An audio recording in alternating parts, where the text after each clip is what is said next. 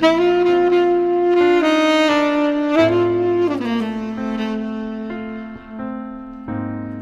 adik-adik. Pasti udah gak sabar kan? Mau dengerin renungan harian audio cerdas berpikir.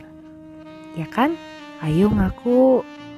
Soalnya melalui renungan harian audio ini Karena dia berharap pikiran kita semakin diisi oleh kebenaran firman Tuhan. Adik-adik masih ingat gak soal perasaan insecure yang belakangan ini kita bahas? Intinya, perasaan insecure adalah perasaan gak aman, gelisah, gak percaya diri, dan lain sebagainya. Nah, hari ini kita akan ngebahas hal lain yang bisa bikin kita ngerasa insecure, yaitu terlalu musingin apa kata orang.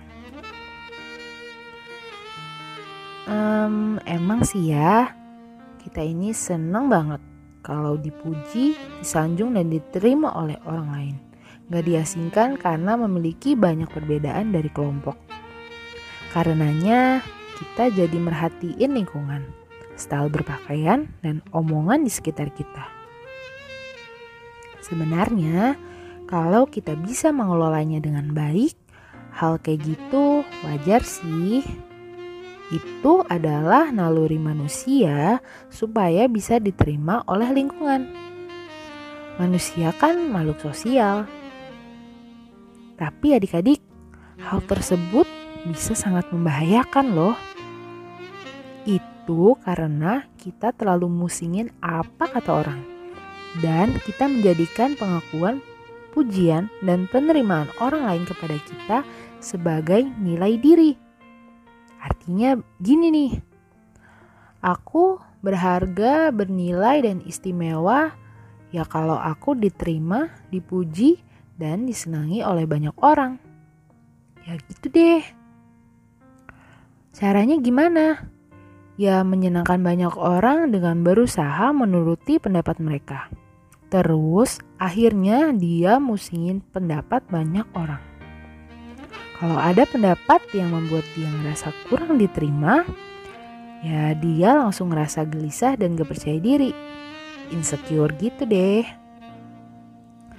Um, misalnya gini nih, Dona seneng banget kalau semakin banyak orang yang menerima kehadirannya karena dinilai cantik.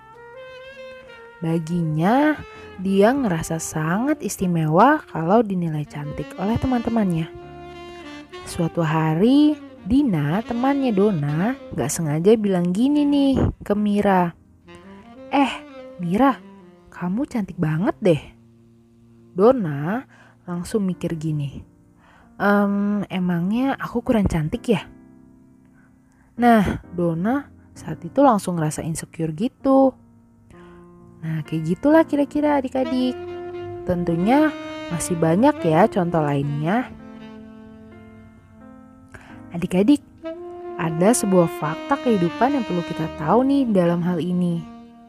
Yaitu bahwa kita gak akan pernah bisa menyenangkan semua orang.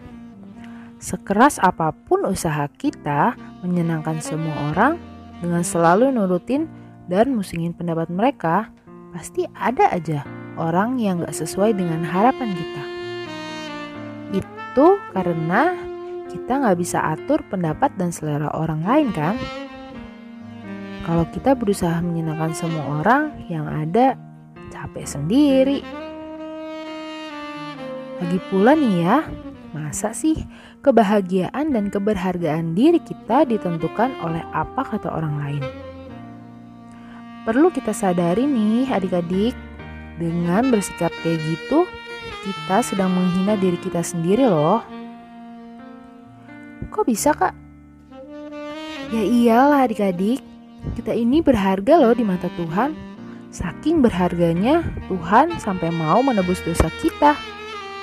Jadi, gak recommended banget deh kalau kebahagiaan dan keberhargaan kita ditentukan oleh apa kata orang.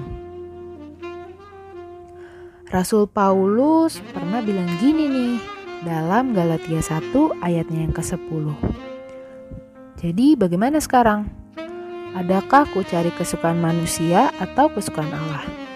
Adakah ku coba berkenan kepada manusia? Sekiranya aku masih mau mencoba berkenan kepada manusia, maka aku bukanlah hamba Kristus. Nah, kita sebagai anak-anak Tuhan harusnya nggak menjadikan pujian dan penerimaan dari manusia sebagai nilai diri dengan berusaha menyenangkan semua orang. Jadi, kita bikin aja supaya semua orang gak senang sama kita ya kak? Ya nggak gitu juga.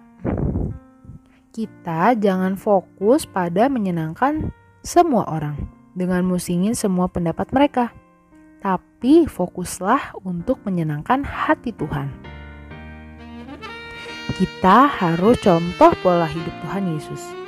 Dalam Lukas 2 ayatnya yang ke-52 bilang gini. Dan Yesus makin bertambah besar dan bertambah hikmatnya dan besarnya. Dan makin dikasihi oleh Allah dan manusia. Nah, kalau kita berusaha menyenangkan hati Tuhan dengan menuruti firman-Nya, maka itu akan berbuah baik kok. Orang akan jadi senang dengan kehadiran kita terlepas apa pun kekurangan kita. Itu karena orang lain melihat Tuhan dalam hidup kita. Jadi, soal pendapat orang lain boleh kita pertimbangkan, tapi gak usah deh terlalu kita pusingin. Nanti capek sendiri deh kitanya. Lakukan aja apa yang harus kita lakukan sebaik-baiknya. Yuk, kita berdoa.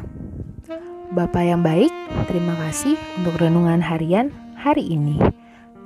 Ampuni kami kalau mungkin kami masih sering mendengarkan perkataan orang lain dan memusingkannya, bahkan menjadikan itu sebagai nilai diri kami.